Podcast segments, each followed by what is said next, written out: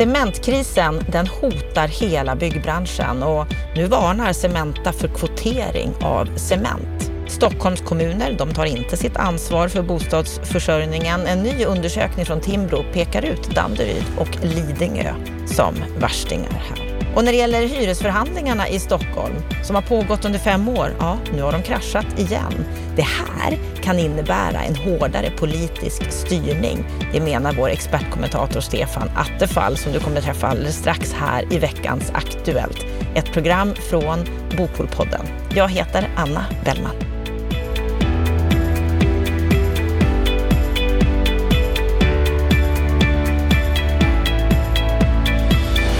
Under veckan som har gått så har det ju hänt en del och vi ska börja med den fråga som jag tror att vi har tagit upp i varje avsnitt av veckans Aktuellt under hösten, nämligen cementkrisen.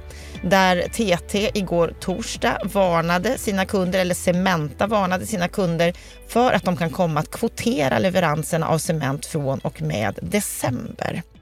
Ja, Stefan Attefall, det här med cementkrisen, där kan vi ju också se här i veckan att byggindustrin, byggföretagen, gått ut och sagt att cementkrisen gör det omöjligt att göra en konjunkturprognos för 2022. Den är allvarlig mm. den här krisen. Mm. Ja, och det är unikt att det är byggföretagen som alltid gör sina konjunkturprognoser. De vågar inte göra någonting därför att det får så dramatiska konsekvenser om det skulle bli stopp eller kraftig minskning av cementproduktionen på Gotland. Eh, jag tror de talar om att 75 procent kan falla bort.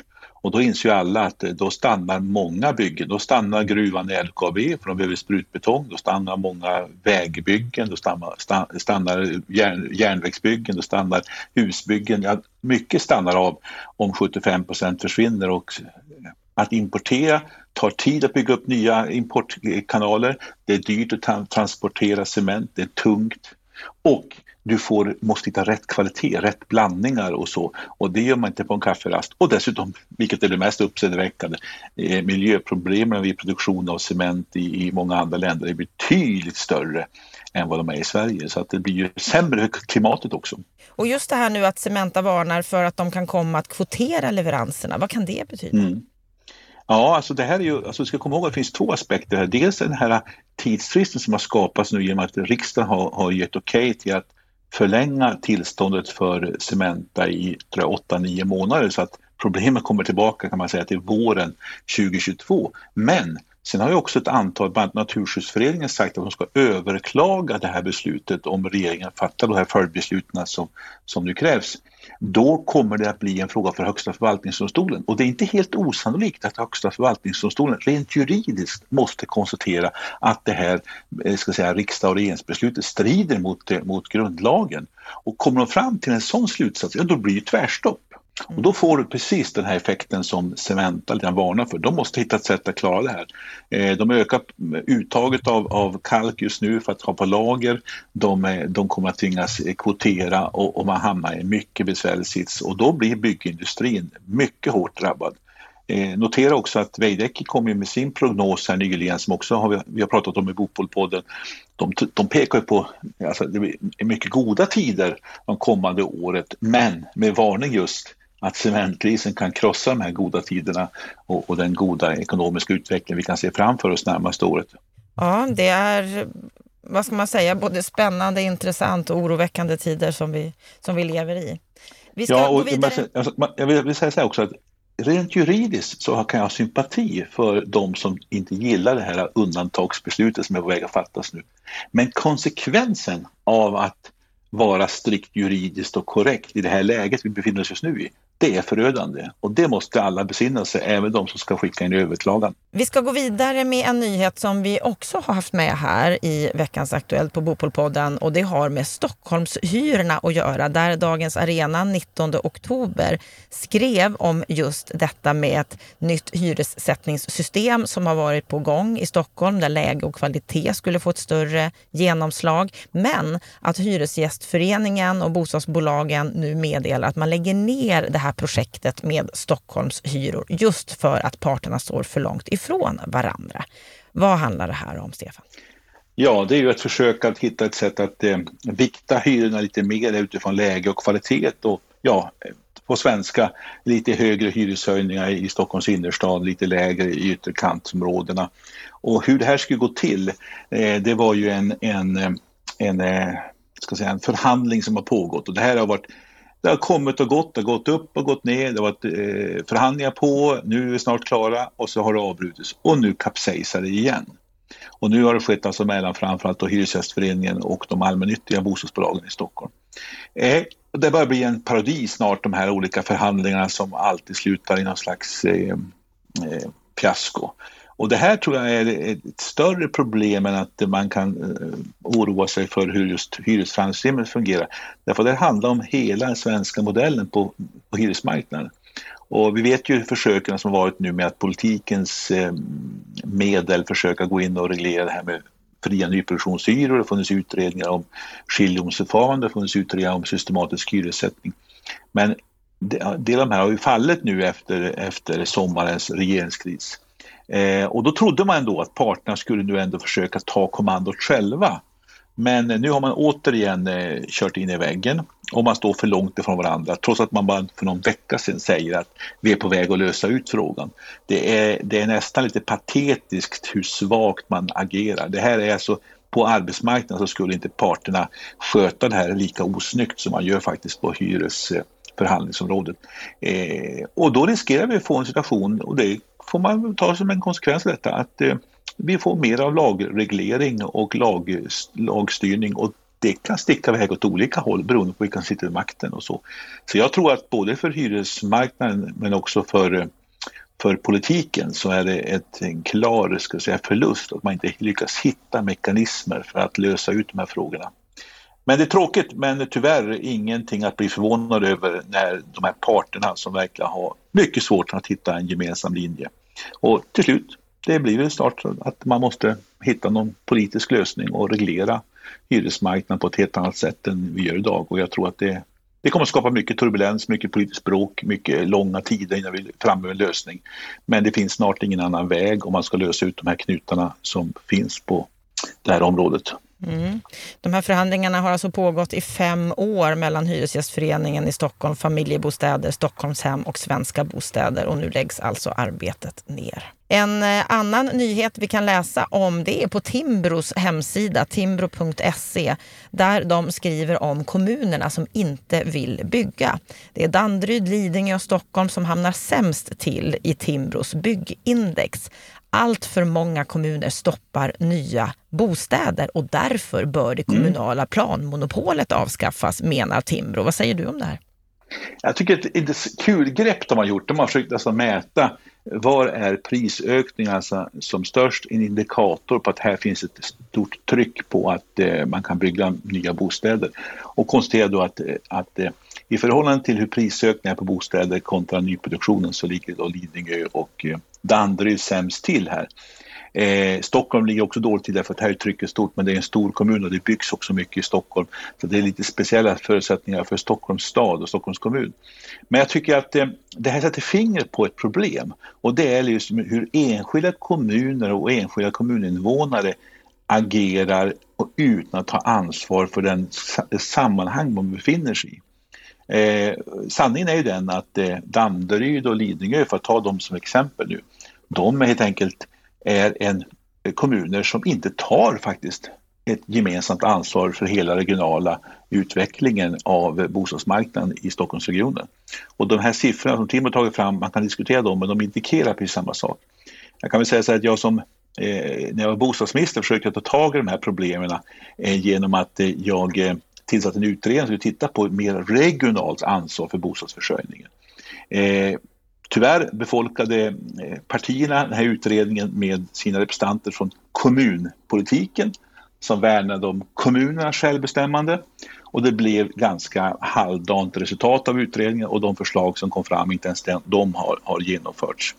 Eh, jag tror att man behöver någon typ av regional och kanske till och med statlig styrning kanske inte ta bort planmonopolet helt och hållet, men en mer statlig styrning så att de här politikerna på lo lokal nivå kan skylla på någon där uppe. Eh, jag pratade med en eh, kommunal företrädare för en av de här kommunerna en gång i tiden som säger att ja, varje nyproduktion vi drar igång så stiger eh, opinionssiffrorna och, och röstsiffrorna för ett lokalt missnöjesparti som finns här.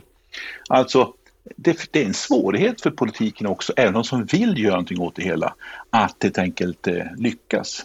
Så vi behöver någon typ av mer regional samordning och eh, någon typ av regionalt ansvarstagande och låta kommunpolitiker som har besvärliga väljare eh, på sina orter att skylla på någon. För vi måste faktiskt betrakta exempelvis Stockholms kommuner tillsammans som en gemensam bostadsmarknad där alla hjälps åt för att lösa bostadsbristen.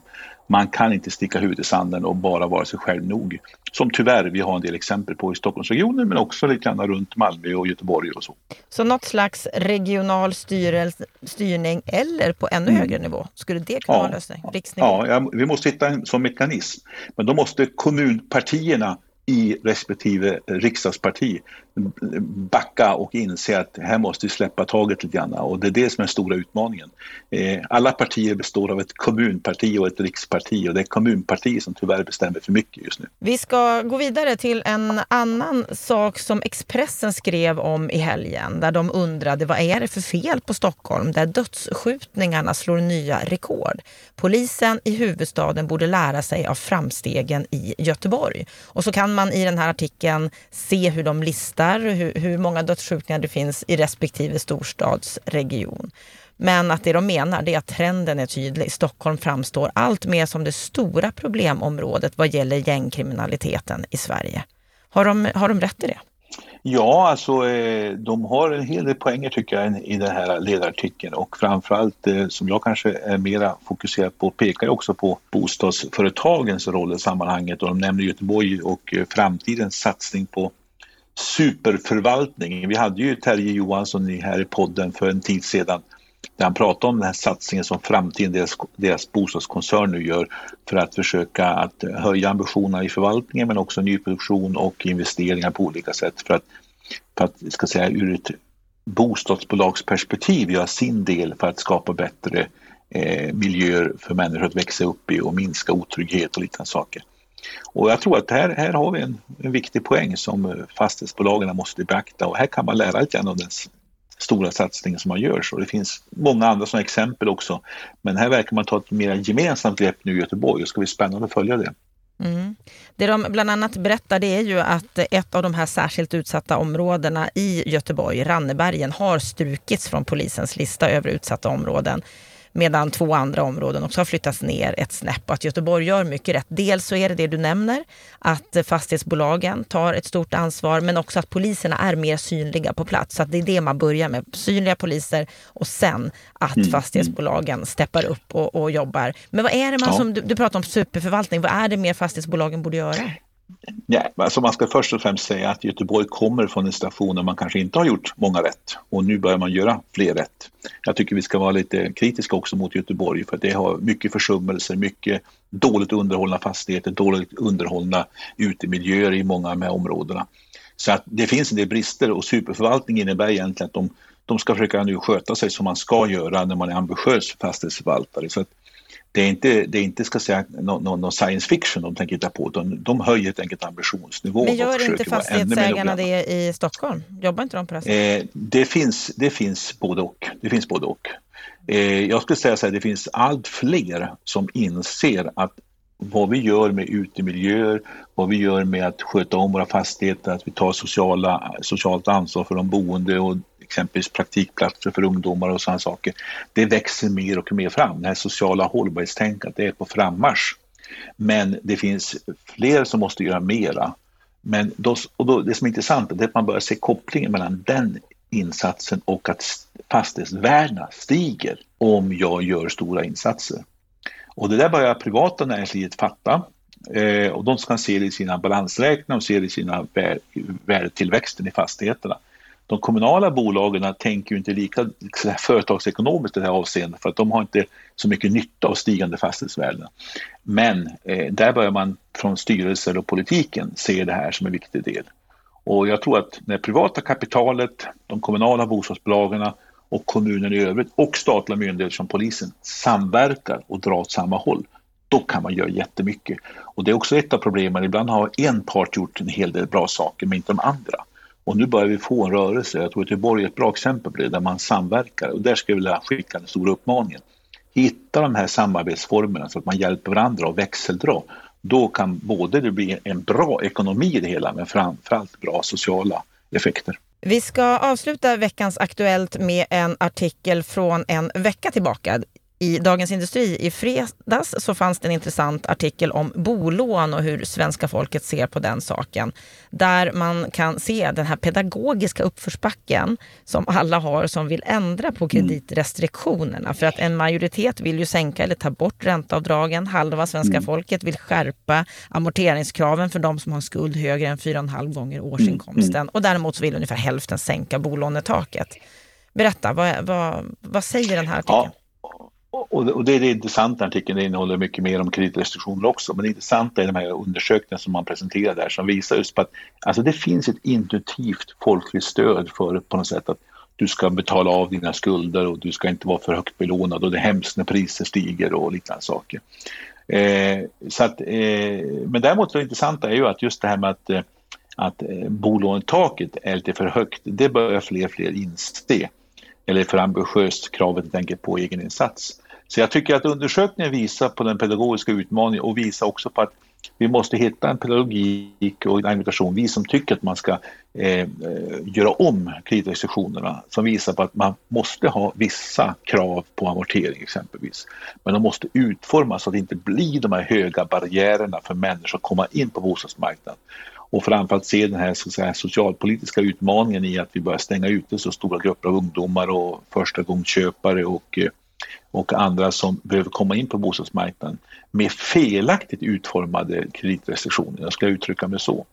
Eh, och startlån eh, som är på gång i en utredning omkring, jag hoppas att verkligen att det förverkligas. Det kan ju vara ett sätt att komma runt en del av bolånetakets negativa effekter. Sen är det självklart att du ska ha någon typ av egeninsats när du, när du köper din bostad så att man ska inte heller ha, ha, ha 100 belåning, inte ens Eh, Eh, har jag inte råd att spara ihop några tusenlappar då ska jag inte ha en, eh, köpa mig en bostad. Men det gäller att hitta den här balansen och därför tror jag att en, en eh, väl utformad kreditrestriktionspolitik hade varit mycket bättre än att tro att man ska slopa allting eller behålla nuvarande. Och jag tror också att en del av resultaten av undersökningen är också en del av den opinionsbildning som inte minst Finansinspektion, Riksbank och andra har sysslat med under lång tid.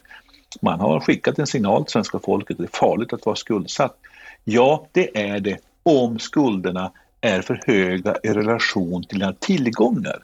Och det är där problemet sitter. Vi har ju också fått mycket mer tillgångar. Vi är rikare idag än tidigare och då, ska inte, då är inte skuldproblemet i sig utan relationen mellan hur mycket jag har och hur mycket skuld jag har. Det är den som är det intressanta, inte skuldens storlek i sig själv. Mm. Det här är något som kommer att fortsätta att diskuteras och debatteras helt säkert. För det ja. är en viktig fråga. Hur ska vi få fler att komma in på det ägda boendet? Stort tack för veckans Aktuellt, Stefan Attefall. Vi vill gärna slå ett slag för måndagens Bopolpodden. Då kommer vi träffa Dragana Kurovic som är bosocial utvecklare på Helsingborgs hem. Och vi har ett intressant samtal om hur man jobbar i Helsingborg för att motverka ofrivillig ensamhet och otrygghet. Hur de jobbar med social inkludering den innovativa andan som, som finns hos oss hade inte kunnat finnas om vi inte hade en lika modig styrelse som är på politisk nivå eh, och om vi inte hade en kommun som också applåderade att vi kan vara så innovativa. Så vår ledning, vår styrelse och kommunen i sin helhet har också möjliggjort detta. Det är inte bara vi. Eh, man kan aldrig göra en sådan sak själv. Så jag tror att eh, det är relationerna som, som byggs genom eh, bolaget och kommunen som är viktiga för att eh, kunna komma fram till eh, resultat. Ja, Dragana Kurovic, henne träffar ni på måndag i Bopolpodden. Är det så att du vill eh, läsa mer om vad som har skrivits om den bostadspolitiska arenan, ja då går du in på bostadspolitik.se. Med detta så önskar vi dig en riktigt trevlig